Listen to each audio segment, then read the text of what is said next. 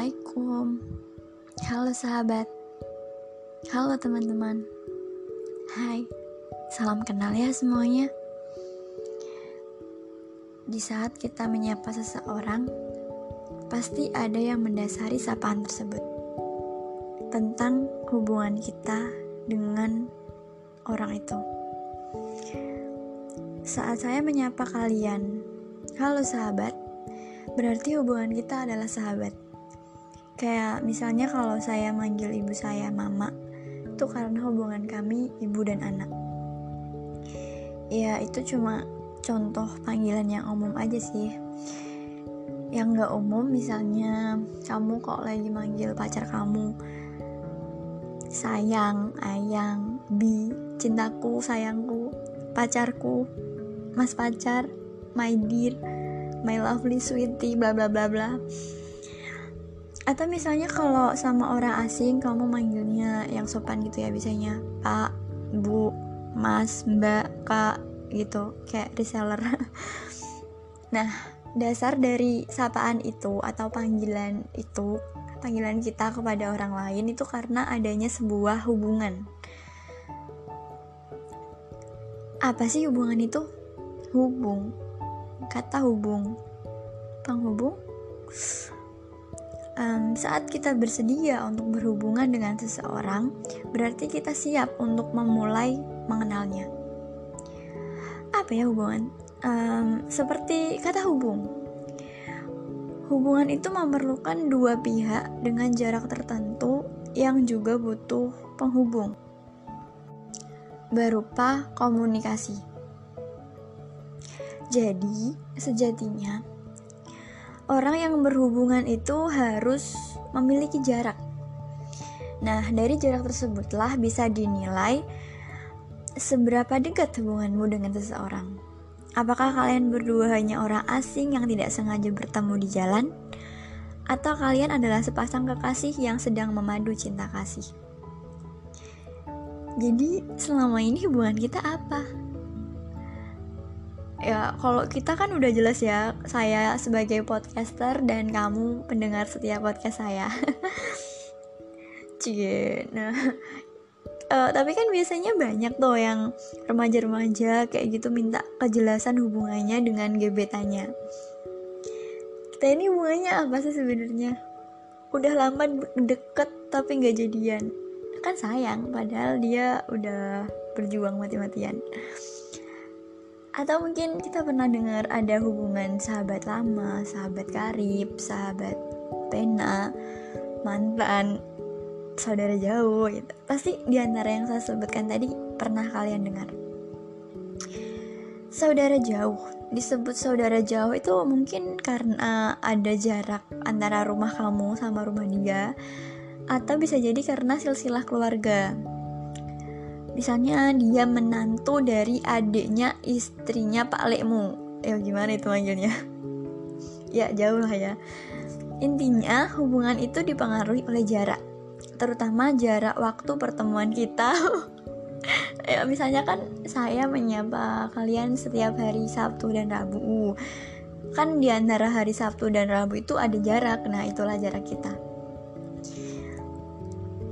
Nah, dari yang aku sebutin tadi aja pasti udah kelihatan dong gimana caranya menilai suatu hubungan, yaitu dari jarak mereka berkomunikasi. Kamu setan sama dia tiap hari, teleponan tiap malam, sampai pagi datang, tapi tak jadian. Tidakkah cukup yang engkau lihat? Pertemanan ini sungguh berat. itu judul lagunya friendzone ya cie yang terjebak friendzone. Bukan mau seuzon tapi orang bilang itu friendzone. Eh mending saya nggak usah nyanyi aja jelek banget astaga. Ya pokoknya pasti kamu udah paham lah ya kalau hubungan itu kayak apa. Kalau misalnya kita chatan tiap hari itu kan berarti hubungan kita deket soalnya banyak loh yang aku cuekin chatnya. Cuma aku read atau bahkan gak aku read. Tapi kamu aja nggak tahu. Soalnya kamu gak peduli. Aduh sabar ya para sad boy dan sad girl sekalian. Mohon bersabar ini ujian. Um, itu tadi cuma contoh kecilnya aja sih. Uh, contoh lagi misal kamu punya saudara rumahnya jauh udah nggak pernah main ke rumahnya jarang berkabar lewat telepon atau sejenisnya kan pasti hubungan kalian makin renggang ya masa dia aja kamu kabarin tiap hari saudara kamu kamu kok cuekin Makanya dari kecil tuh aku selalu diajarin sama ayah aku untuk senantiasa menjalin silaturahmi dengan saudara. Ya misalnya setahun sekali lah main ke rumahnya, misal pas Idul Fitri gitu.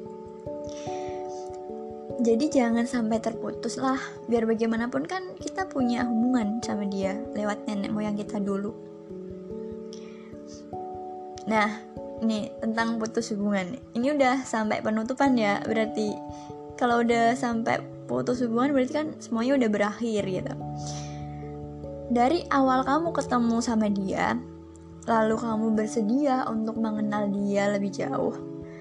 Dan kalian mulai dekat tapi karena suatu hal hubungan kalian terputus dan lost kontak. Apa aja sih penyebab putus hubungan? Um, misalnya karena dia udah meninggal.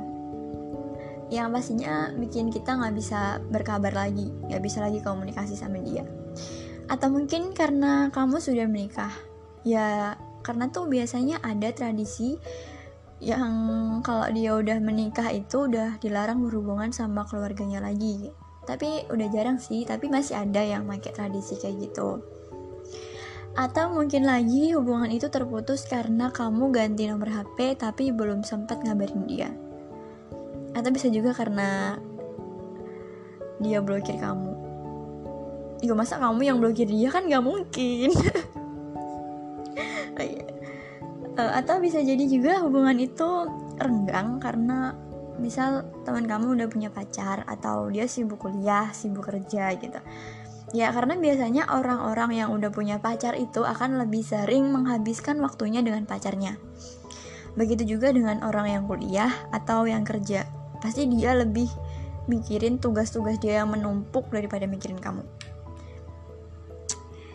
Karena semakin dewasa kita kita akan lebih mengerti kalau hubungan itu sebenarnya bukan sekedar untuk bertanya kabar. Apa kabar? Kamu lagi ngapain? Udah makan belum? Nggak nggak nggak cuma soal kayak gitu. Tapi lebih ke apa ya hubungan relasi gitu. Relasi yang menguntungkan. Misalnya mau minta uang ke paman kamu minta saku uang jajan gitu kan biasanya atau kalau lagi ujian kamu membutuhkan bantuan teman kamu buat bantu ngerjain gitu. Atau misalnya hubungan kerja gitu untuk menambah relasi. Atau hmm, putus hubungan yang paling menyakitkan nih misalnya kamu mau salah salah. Masa kamu yang memutus oke? Misalnya dia memutus hubungan denganmu karena tertarik dengan yang baru ya ya gitu.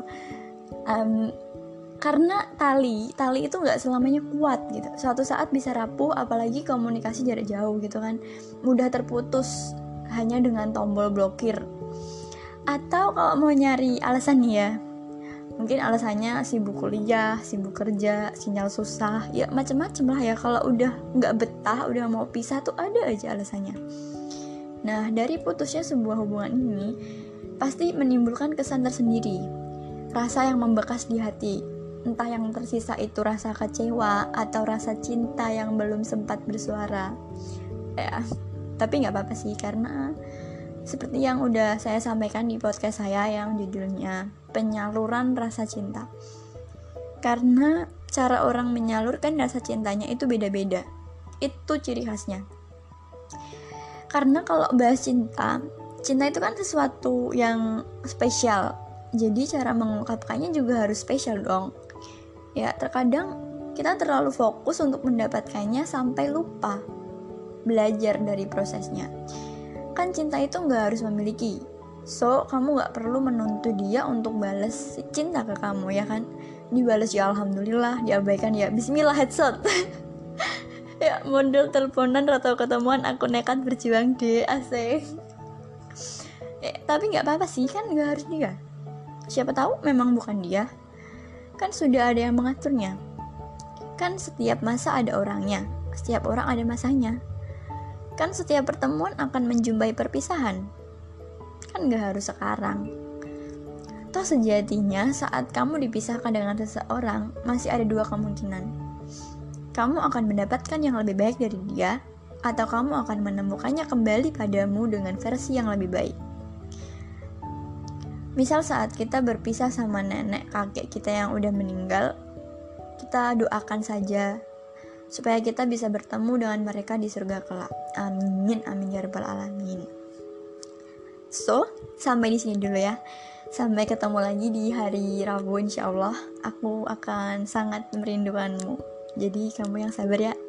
sampai jumpa.